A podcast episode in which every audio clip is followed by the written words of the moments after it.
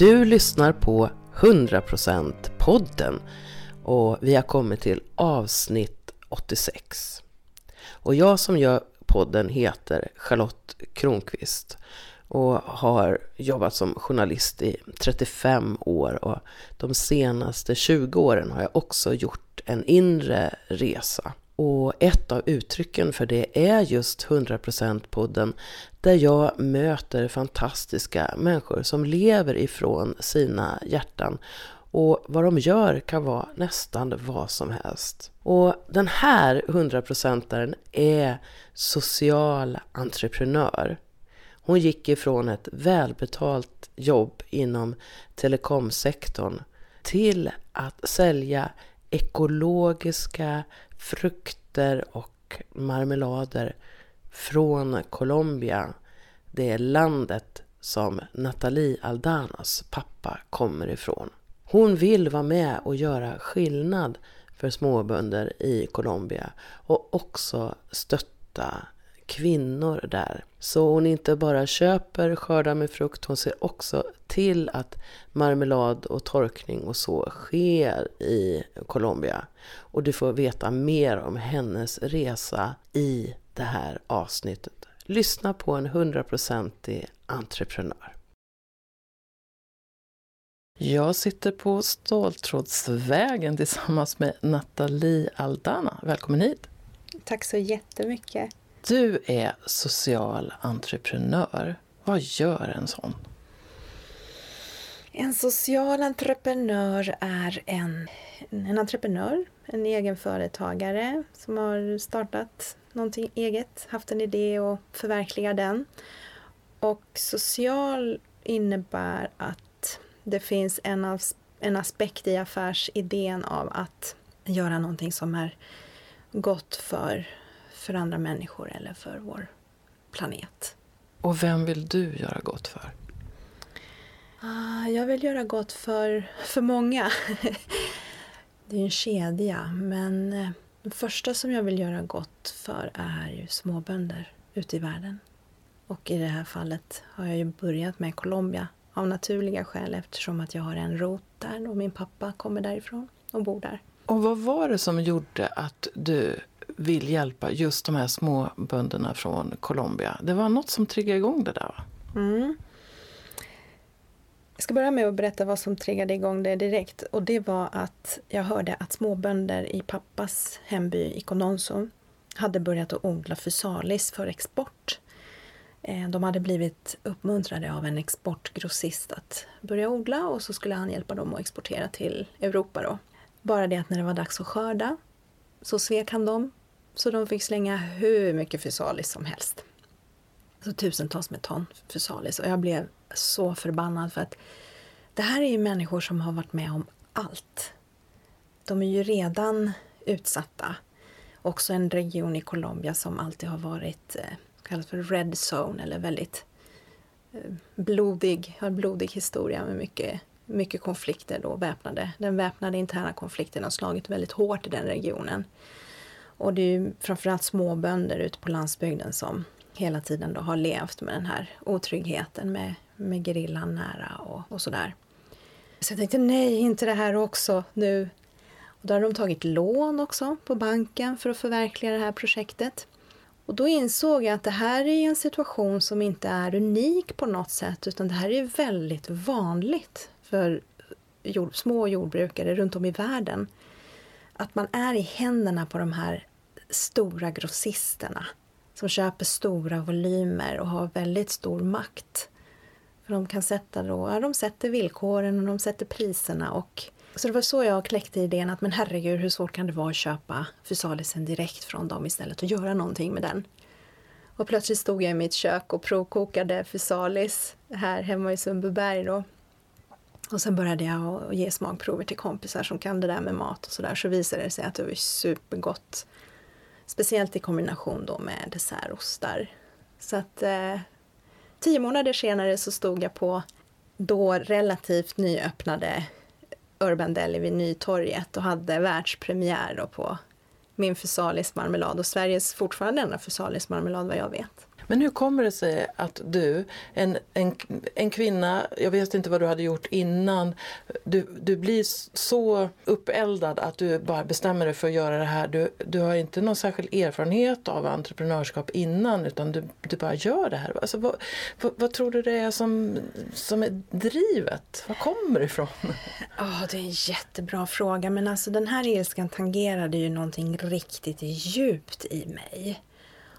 Och eh, jag hade varit under några år i en ganska intensiv process i att gå djupare in i min egen personliga utveckling.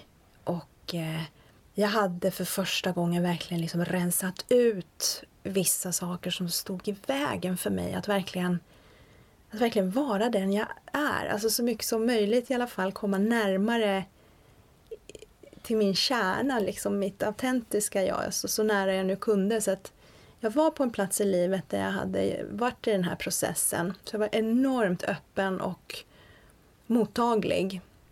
Och också för första gången i livet relativt egofri. Och när jag säger egofri då menar jag att alltså, vi är ju aldrig helt ego utan vårt ego, det, det har vi med oss. Men, men jag hade, mitt ego hade dominerat mitt liv så otroligt mycket och jag var ju expert på att jämföra mig med andra och väldigt osäker och drevs mycket av rädslor och bara bekräftelsebehov och sånt där. Att vara accepterad och, och älskad och så. Men jag var väldigt fri från det där så att nu var det liksom något annat som tog över. Jag, jag var totalt orädd helt enkelt. Och vågade ta det här steget utan att bry mig om vad folk skulle säga helt enkelt. Plus att jag var inne i en i ett kreativt flöde som, som kom från någon djupare plats liksom inne i mig på något sätt. De som liksom bara tog över. Jag vet inte om jag svarade på din fråga Nej men det är där. så häftigt. Och jag bara funderar på, även om de här bönderna då kom från din pappas hemby, men hur hur gjorde du för att få deras förtroende när de hade åkt på den här smällen från grossisterna? Ja, nu blev det faktiskt så att just de här bönderna, de hann jag inte utveckla ett samarbete med. För att många utav dem hann lägga ner det där. De drog ju bort buskarna och började odla något annat istället. Och de som var kvar, de hittade några nya kanaler att sälja för. Utan då blev det så att jag, jag hittade andra fysalisbönder ja, relativt i närheten.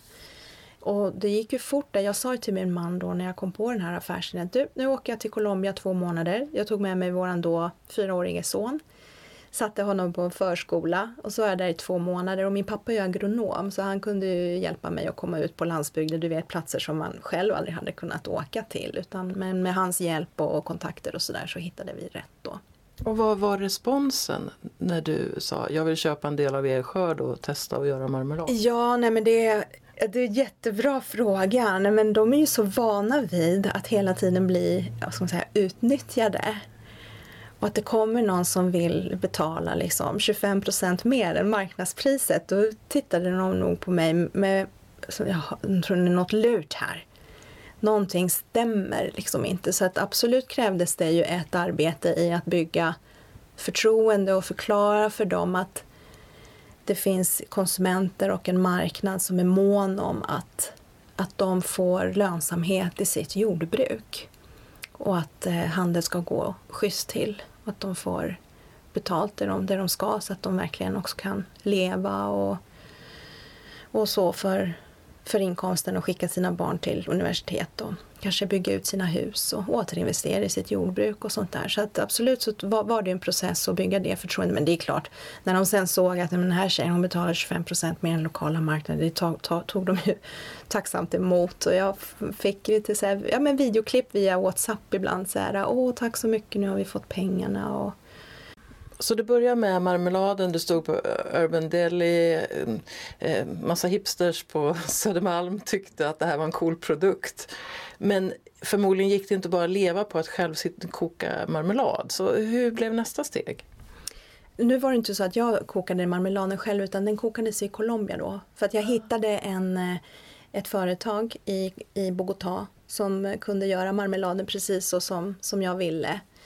Eh, och det är också en del utav min affärsmodell. Det är inte bara direct trade med småbönderna utan det är även att frukten förädlas till färdig konsumentprodukt i ursprungslandet.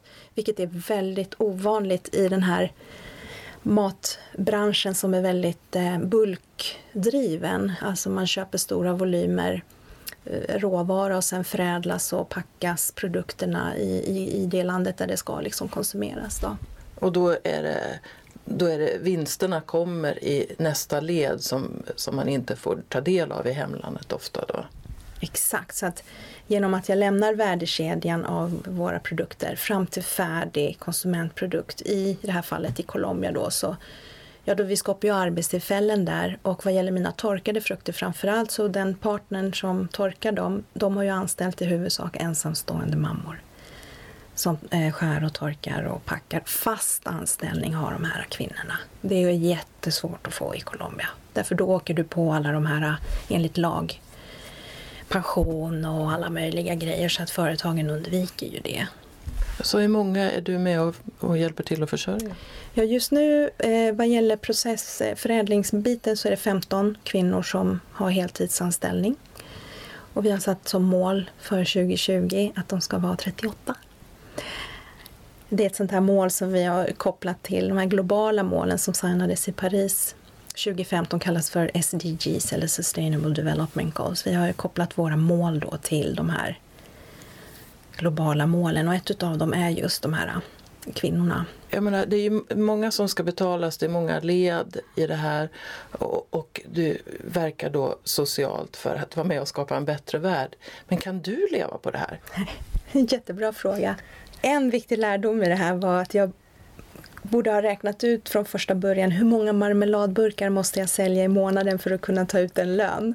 För då hade jag ganska snabbt märkt att upp, jag måste hitta en distributör eller komma in på Coop eller, eller någonting sånt ganska snabbt. Och den, ja, så det är ju en lärdom. Nej, sanningen är den att jag har inte tagit ut någon lön från företaget. 2016 tog jag ut en liten lön i tre månader.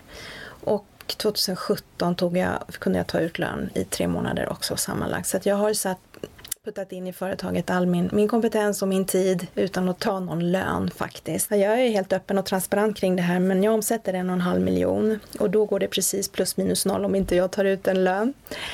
Eh, men jag behöver omsätta sig två miljoner nu då för att jag ska kunna ta ut en lön och det, jag är ju nästan där. Och det finns vissa, vissa kanaler och vissa leads som jag hade hoppats på och som jag hade tagit mig dit ganska fort. När du jobbar med det här sociala entreprenörskapet, finns det som nätverk för dig där du kan spegla dig hos andra eller ta hjälp av andras erfarenheter eller så? Alltså, eller hur ensam är du? Det väljer jag ju helt själv hur ensam jag vill vara risken för mig, har, eftersom jag är ensam operativt eh, aktiv i det här, så slukas jag upp av, av, av företagandet dagtid. Så att jag orkar oftast inte eh, söka mig till några sociala sammanhang på det sättet, tyvärr. För jag skulle verkligen behöva vara ute och nätverka och röra mig i olika miljöer. Är det någonting jag prioriterar då så är det att jag, jag går och yogar och att det finns eh, viktiga eh, kvinnor och tjejkompisar i min närhet som jag försöker att träffa i lite olika sammanhang och sådär. Men, men nätverk så på det sättet, kvinnliga nätverk, det, det har jag faktiskt inte riktigt varit del av. Nej. Jag bara funderar på det finns förmodligen människor med liknande drivkrafter som du som tar liknande mm initiativ och då kanske man skulle kunna känna styrkan av varandra eller det är kanske någon sådär miss som, som du gjorde eh, som du kan slippa göra för att någon mm. som ja, hjälper till och säger du kom ihåg det här eller och, jag menar så småningom kan du säkert vara mentor åt någon också och säga när, när du startar så tänk på det här och det här. Ja men absolut, ja, nu när du, nu, nu kom jag på faktiskt ett sammanhang. Jag var med i, Almi hade ett mentorsprogram som, som jag gick med i och då fick jag en, ja, en helt galet bra mentor, Kikki Theander som är en av grundarna till eh, den här Middagsfrid, den här första matkassen. Eh, men mitt under det här mentorsprogrammet så blev ju hennes man sjuk. Eh, så att eh, vi, vi, vi fick aldrig riktigt något, något, något avslut. Men vi, träff, vi hann träffas kanske fyra, fyra gånger och hon, hon var jättebra. Så att ett sånt sammanhang har jag faktiskt varit i. Och sen de andra som jobbar med direct trade, till exempel Johan och Nyström, ett kafferosteri, de, vi, vi har ju lärt känna varandra. Och en, Johan då är Johan och Nyström som i och för sig inte jobbar där längre, men han och jag eh, har jättebra kontakt och har blivit liksom vänner. Han har faktiskt eh, köpt en kaffegård i Colombia nu också, så att har vi det gemensamt. Och sen finns det ju några andra, de här Smiling är ju ett gäng som också jobbar med direct trade kan man säga och där är det en kille som jag har både varit på en after work med och vi brukar prata en del med varandra när vi träffas på mässor och sånt där. Så när du börjar reflektera så ser du att det finns en del i alla Ja, fall? men att det, det händer lite så här sporadiskt, bara inte i en så här organiserad form. Liksom. Nej, men jag har ett fantastiskt nätverk. När jag, när alldeles i början där då så fick jag ju vara med om, om, om det här när det är som att du träffar exakt rätt person vid rätt tidpunkt. Nästan att det är för bra för att vara sant. För vara sant. Jag tänker att det universum hjälpte mig så mycket där i början så att jag träffade en, en kille som jag gått grundskolan med. Vi har inte träffats på jättelänge och så visade det sig att han var investerare och han kände massa människor. Och, och han, han fixade så att jag fick eh, en helt galet bra mentor som heter Kent Angegård. Och han var ju delägare i det här Önos varumärket eh, en gång i tiden. Alltså Önos har ju marmelader och safter och alla sånt där. Han har ju eh, gått ur det där. Men, så jag har varit och hälsat på honom på hans gård på Österlen tror jag, tre, fyra gånger eller något sånt där. Och honom kan jag ju ringa när som helst. Och så så att han, är, han är ovärderlig. Mm. Men vad är det du behöver nu för att expandera? Jag tänker mig att om du hade en större marknad i Sverige då kan du sälja mer och då kan det leda till att det är fler som får jobb i Colombia. Alltså hur ser din, förutom det här att, du, att det ska vara lite mer än dubbelt så många anställda. Vad, hur, hur, ser din vision ut? Var är du 2025? Jo men min vision är att jag har Just idag har jag ju en distributörsstruktur, att jag samarbetar med distributörer som har de här kanalerna ut och de representerar också andra varumärken och sånt där. Det jag har märkt där är att det, det räcker inte. Jag trodde att det skulle räcka men det räcker inte för att jag försvinner ändå bland massa andra varumärken också. De har inte eh, fått ut mina produkter på det sättet som jag hade Eh, trott att de kunde få. Så att nu är jag lite på ruta ett igen. Så att faktum är att jag har en lista nu på 60 olika butiker varav kanske 20 av dem är sådana som jag har funnits i. Som jag liksom tagit tillbaks till dem själv. Så att nu säljer nu lägger jag två, tre dagar i veckan igen själv på att bara sälja direkt till de här butikerna. Och jag behöver ju bara besöka en butik så gör de ju en order på en gång så att jag får väldigt bra resultat. Men så där kan inte jag fortsätta utan det jag behöver är jag hade en plan att jag skulle komma in med min eh, lilla mangopåse på Pressbyrån eller SF Bio, eh, SJ, ah, Espresso House, eh, Scandic Hotel. Alltså alla sådana här hyllor där det är lite grab and go med nötter och sånt där. Och jag har varit på alla de här och inte kommit in i en enda. En har jag kommit in i och det är en business to business kanal. De heter Convini och de har såna här äh, kylar på företag. De hette Mat på jobbet förut har 1300 sådana kylar på massa olika företag. Där anställda då kan blippa de här äh, produkterna och det är allt möjligt i dem. Lite luncher och bars och, och sen min torkade mango då.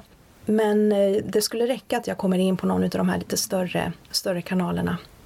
Eller Bra flyg eller Max hamburgerrestauranger eller så att eh, det är jag ser ju att efterfrågan på torkad frukt ökar kanske som en konsekvens av att efterfrågan på nötter har verkligen ökat. Jag menar nöthyllorna är ju, det är ju hur många varumärken som helst. Men alltså vettigt torkad frukt, det finns ju inte. De som har varit förut vid Pressbyrån då, de var ju sockrade dessutom. Mina är ju helt utan tillsatser. Det är inget tillsatssvavel i dem heller utan det är bara 100% frukt. Så att ibland tänker jag att jag kanske är lite före min tid. Men jag ger inte upp. Jag visualiserar jättemycket. Jag ser den här mangopåsen på Pressbyrån bredvid de här andra påsarna. Så att jag visualiserar väldigt mycket. Jag, jag har inte, inte gett upp än. Så det är väl svar på din fråga om att nästa steg går till 20, sa du 2025 att att några av de här kanalerna då säljer minst min mango men, eh, men också någon, någon, någon till, kanske ananasen för den är också jättepopulär. Vem är säljaren Nathalie? Hon är snackig. ja, men hon är utåtriktad och har lätt att få kontakt med människor. Hon är artig.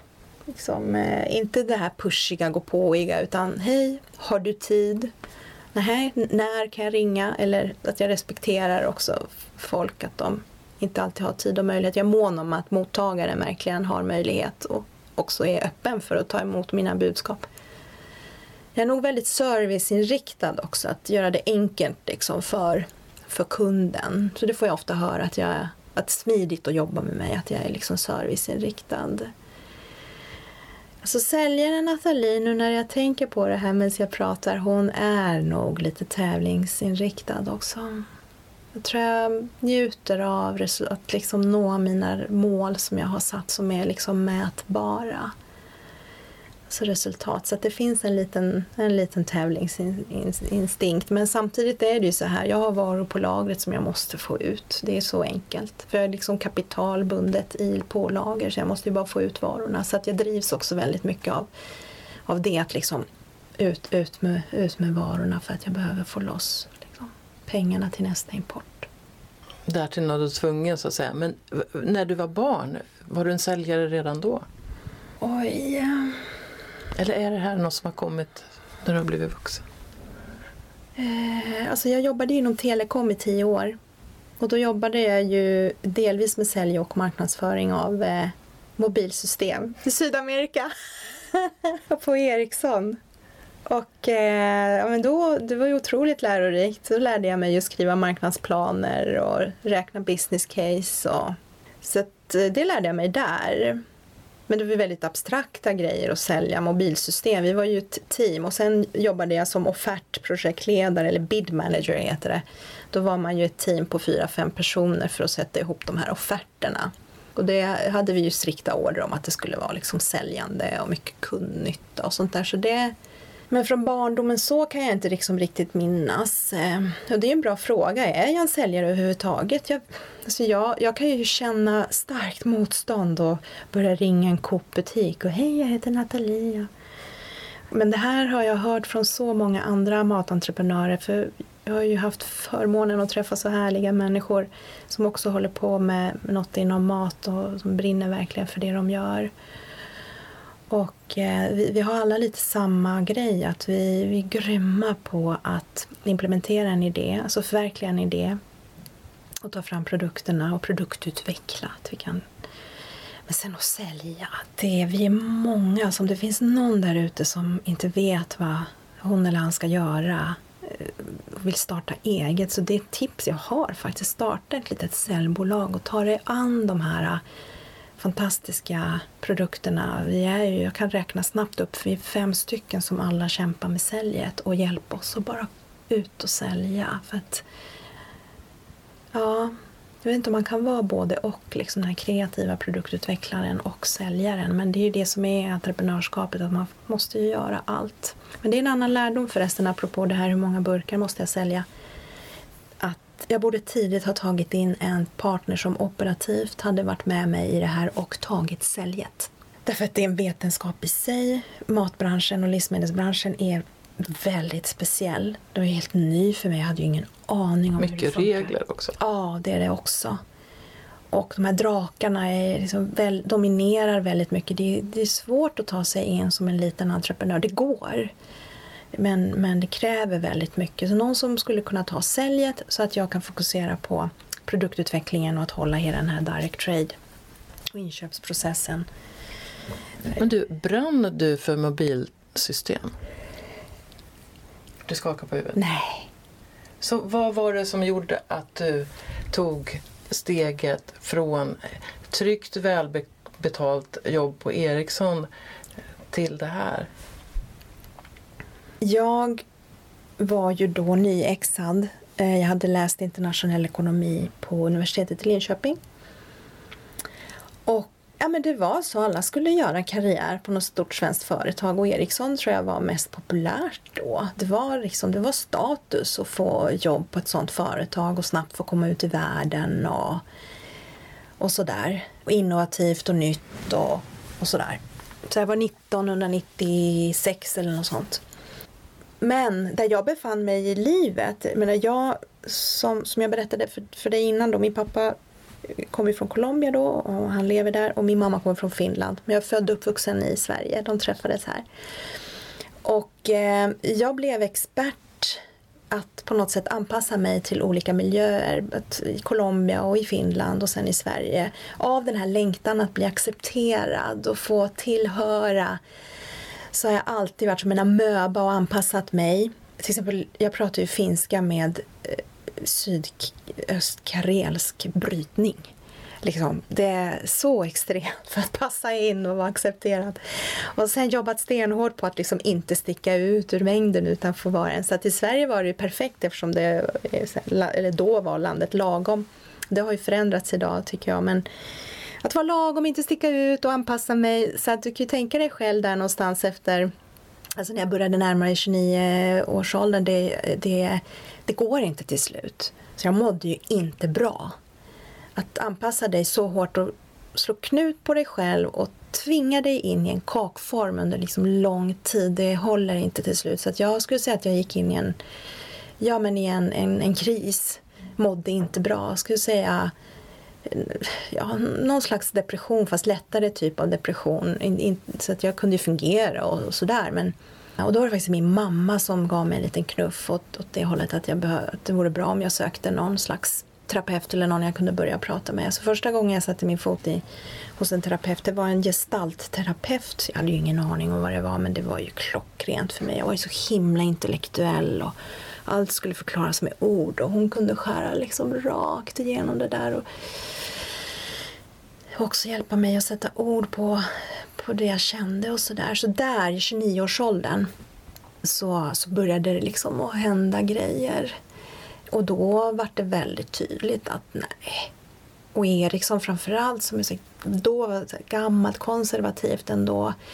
Ganska, ja, nu lägger jag ingen värdering i det så, men liksom patriarkaliska strukturer om man säger. Det är ju ändå byggt så eh, att anpassa mig i en sån miljö där liksom alla chefer blev ju också en så här pappa på något sätt och få bekräftelse från se mig. Så att jag slutade på tre eh, och då var på tre, då var jag på Ericsson. Jag, jag började på tre. Då ny, nystartad, spännande mobiloperatör. Otroligt expansivt, innovativt, kreativt. Allt var möjligt. Så det var väl den första så här, entreprenöriella miljön som jag fick röra mig i och det var högt i tak och jag fick göra precis nästan vad jag ville. Och, så där var jag ju eh, i ganska många år också då innan jag hoppade av. Då, då. Jag vet inte, vad var din fråga? Nej, jag bara funderar på hur, hur, hur gick steget ja. från att vara anställd till att bli entreprenör? Ja, nej men sen kom ju då jag hoppade ju av tre sen också. För att jag hade ju gått då en hel del i eh, både terapi och jag gick på Humanova i tre år. Och kom in i psykosyntesen om du har hört talas om den. Och, eh, och en klassiker som jag ser det, det är att när man har gjort, börjat göra en egen resa det är att man vill bli terapeut och hjälpa alla andra. Så, här. Mm. så det gjorde jag. Så att jag startade ju faktiskt, jag har ju startat ett företag innan Nathalies Direct Trade. Aldana coaching. Ah.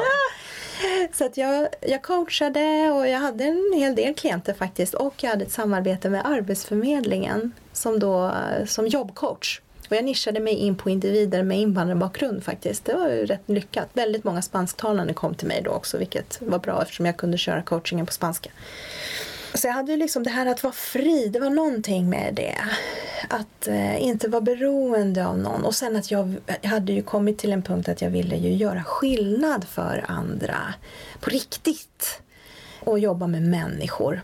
Men där skulle jag vilja säga någonting som var en jätteviktig lärdom för mig och som jag tror kanske andra kan känna igen sig i. Som jag sa att bara för att man själv har då gjort någon slags resa så tänker man att men nu ska jag bli coach och terapeut och hjälpa andra.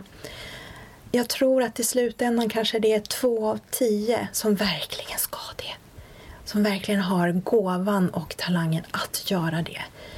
Men jag är en av de där åtta av tio som inte ska göra det. Utan vi behövs ju ute i samhället. Ute i näringslivet, eh, skolor, förskolor, ja men överallt.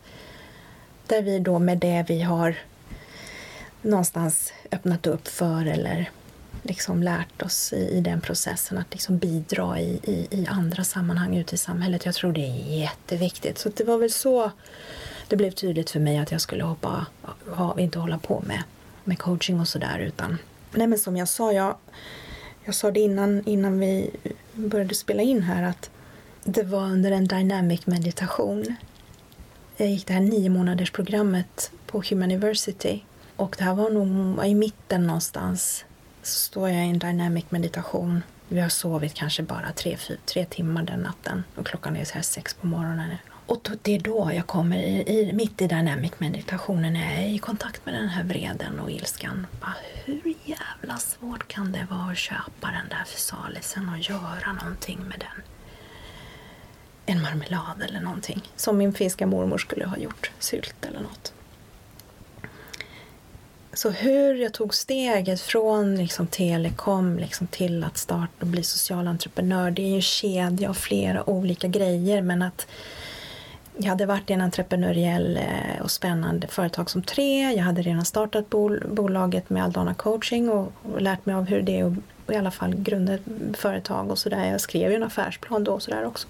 Och nu var jag liksom helt öppen och redo och energin härifrån den bara gick så här där jag stod där. Jag ska koka marmelad. Jag kan känna igen det där jag har också fått ingivelser under eh, Dynamic meditationen. Okay. Jag, har, jag har fått namn på kurser och så. Jag ska ha det bara så här. Just under den här fasen som kallas katarsis. När man får, ja, så jag har varit tvungen att säga, vänta jag måste anteckna. så, att, så att det inte försvinner. Och, och när du pratar om det så är det som att jag ser en, att ditt huvud är öppet och liksom som att det är, kan ta emot information som kommer någonstans ifrån. Att du är som en eh, mottagare som bara är helt öppen. Och, och, i den situationen hamnar jag ibland också. Och då gäller det att ta tillvara på det där. Så man inte tappar det. För att det kan vara så här som att det, det flyger förbi så här. This is it liksom. Och då att så här, det här är verkligt. Det här, det är en form av budskap jag får någonstans ifrån, oklart var, men bara åh. Och så känns det så säkert i hela kroppen. Det här är det rätta liksom. Oh, men gud, alltså att du säger det här, du anar inte vad viktigt det är för mig att få höra det här. Att jag ah, av någon anledning att jag inte liksom är ensam. Tack att du delar det. Det är jättehäftigt. Oj, oj, oj, herregud. Ja. Och då att att agera på det och att typ skita i vad andra tycker. Att ha en slags tillit i sig själv för att kunna göra det. Om jag skulle ha lyssnat på alla som har synpunkter på vad jag håller på med. Då skulle jag ha ett jättetråkigt liv. Oh. Så där kan man väl inte göra? Jo, det kan man. Och jag funderar ju mycket på så här, men vad, vad, vad, är livet till för nu? Vad vill jag göra med resten av mitt liv? Vill jag göra saker som någon annan kan godkänna mig för? Nej. Jag behöver göra det som känns viktigt för mig och jag vill ju också ge bidrag till världen. Jag kallar ju mig kärlekskrigare. Ja, och jag tycker det. också att det är så viktigt att, att, att vara ute i samhället, att inte eh, gömma sig eh, någonstans. Så det här med eh, din slutsats där kring att det är många som går den här typen av utbildningar och så. De flesta ska inte hålla på med det men den kunskap de har mm. kan de ha med sig. Och jag gör ju många saker så jag tar ju med mig den när jag skriver journalistiska texter. Liksom. Ja, det är fantastiskt. Ja, det ska du verkligen fortsätta att göra. Det var en grej som jag förresten kom på bara för att säga, apropå dynamic meditationen. Jag vet inte om du kan känna igen dig i det också, men det här att vara så här öppen i hjärtat. Eh, jag kommer alltid att tänka på Fredrik Reinfeldt när han säger öppna era hjärtan. men grejen är det att jag fattar precis vad han menar. För att det som hände där också, ett skifte, var att herregud, jag är inte i det här livet bara för min egen skull. Vi är här av en, en annan Vi är inte här bara för oss. Vi är här för någonting mycket större. Och det är först flera år senare, vi kan säga att det kanske var två år sedan, som, ja, jag var i Colombia på någon av mina resor och så var jag med pappa, jag hängde med honom någon helg. Och så kom jag att tänka på att jag har hört de här historierna från när pappa var barn. Att det kom väpnade eh, styrkor till farmors hus eh, och att barnen fick gömma sig under sängar och så att de också vid något tillfälle fick springa snabbt ut i kaffeplantagen och att han har faktiskt sovit ute under bar himmel gömd i kaffeplantagen med, sina, med mina farbröder och med min farmor. Det har berört mig så starkt det där, den där paniken och rädslan och, vad det har betytt för, för pappa då. Och också påverkat honom och alla hans relationer i livet inklusive med mig då, men det är en annan historia. Jo, men då berättar han, ja, nej det var inte farfar, för jag trodde att det var farfar de var ute efter för att han var politiskt aktiv och han var väldigt aktiv ute på landsbygden och sådär. Eh, och bonde också. Nej, utan de var ute efter min... De var ute efter en man som hette Juan de la Cruz Varela Aldana som var kusin till farfar. Och han, han är tydligen en utav grundarna till det här gerill, eh, äh, gerilla, men jord, jordbruks eller bondeuppror på landsbygden i Colombia som sen blev gerillan. Så det här har jag eh, tonat in på i lite andra sammanhang att kan det vara så att han, att, alltså jag har så släkting, det finns förfäder bakom mig som har kämpat för, för rättvisa ute på landsbygden i Colombia. Och att nu är jag liksom första generationen som har liksom knuffat fram mig på något sätt. Jag undrar om det kan vara så, för att en sån grej får ju mig verkligen att gå upp på morgnarna och fortsätta. Mm. Även om jag nu absolut har nått den här gränsen att nu, nu ska jag kliva upp till de här två miljonerna så att jag kan börja ta en lön också. Men Ja, så det vill jag nämna lite här i det här sammanhanget. Hur det blir att man tar det här steget från eh, telekom till eh, frukthandlare. Att jag, jag tänker, för mig har det i alla fall varit så att jag tror att för mig att, att hämta från våra förfäder finns så mycket svar där. Jag känner nästan som att jag håller på att sluta liksom cirkeln. Och eh, Colombia är bara ett land, men hela den här affärsmodellen som jag jobbar med som kallas också på fackspråk för Inclusive Business Model.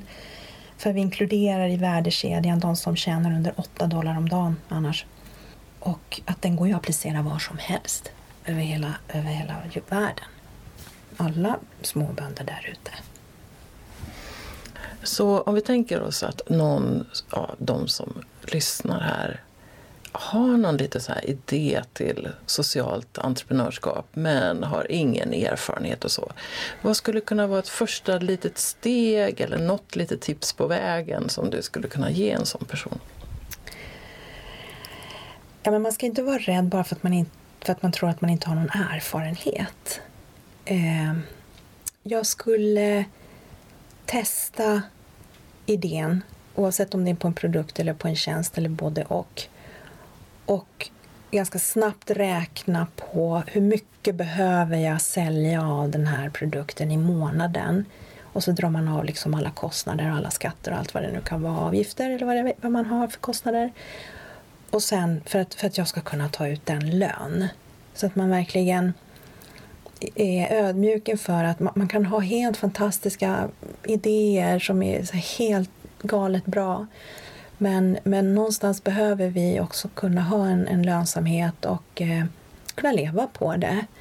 Det är väl mitt tips. För att jag tror, som i mitt fall nu att jag inte har kunnat ta ut någon lön på sju år, eller jag har ju valt att inte göra det. Eh, risken är ju då att jag istället får lägga ner och det är ju jättesynd.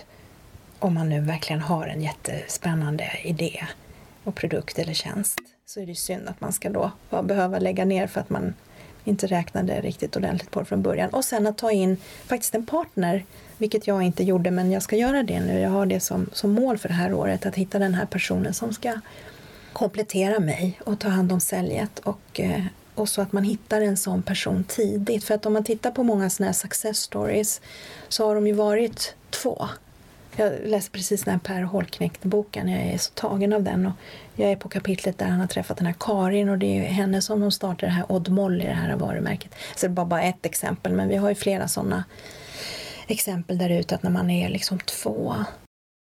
Det är väl mitt tips då. Gör lite reality check och skaffa en partner när du startar ditt sociala entreprenörskap. Tack Nathalie för att du kom hit till Ståltrådsvägen idag. Ja, men tack till dig. Tack Charlotte. Socialt entreprenörskap blir ju allt viktigare och jag tänker att det vore bra om det fanns bra nätverk och bra stöd för sådana personer som är i Nathalies situation. Så är du en person som kan hjälpa till, gör det. Om inte annat så kan du gå in på Nathalies hemsida, Nathalies frukt, och se på hennes sortiment och beställa lite. Jag har fått smakprov så jag vet att det är riktigt, riktigt gott. Så det inte bara smakar gott utan du gör också gott genom att äta av de produkter hon skapar. 100%-podden är ju mitt, Charlotte Kronqvist, hjärteprojekt som jag driver på min fritid kan man säga. Och vill du vara med och stödja eh, den ekonomiskt så swisha valfritt belopp till 070 322 42 42 070 322 42 42 och ange att det är till 100% podden. Då blir ju jag jätteglad. Och om du är en sån här som tycker att podden kan nå ut mer eller att du kan stödja den på, på något annat sätt. Hör av dig till mig. Jag söker samarbetspartner, gärna med ekonomiska muskler och visioner. Mer om vad jag gör ser du på min hemsida charlottekronqvist.org och nästa större grej som jag anordnar är helgkursen Lekfull tantra den 22 och 23 september i Stockholm.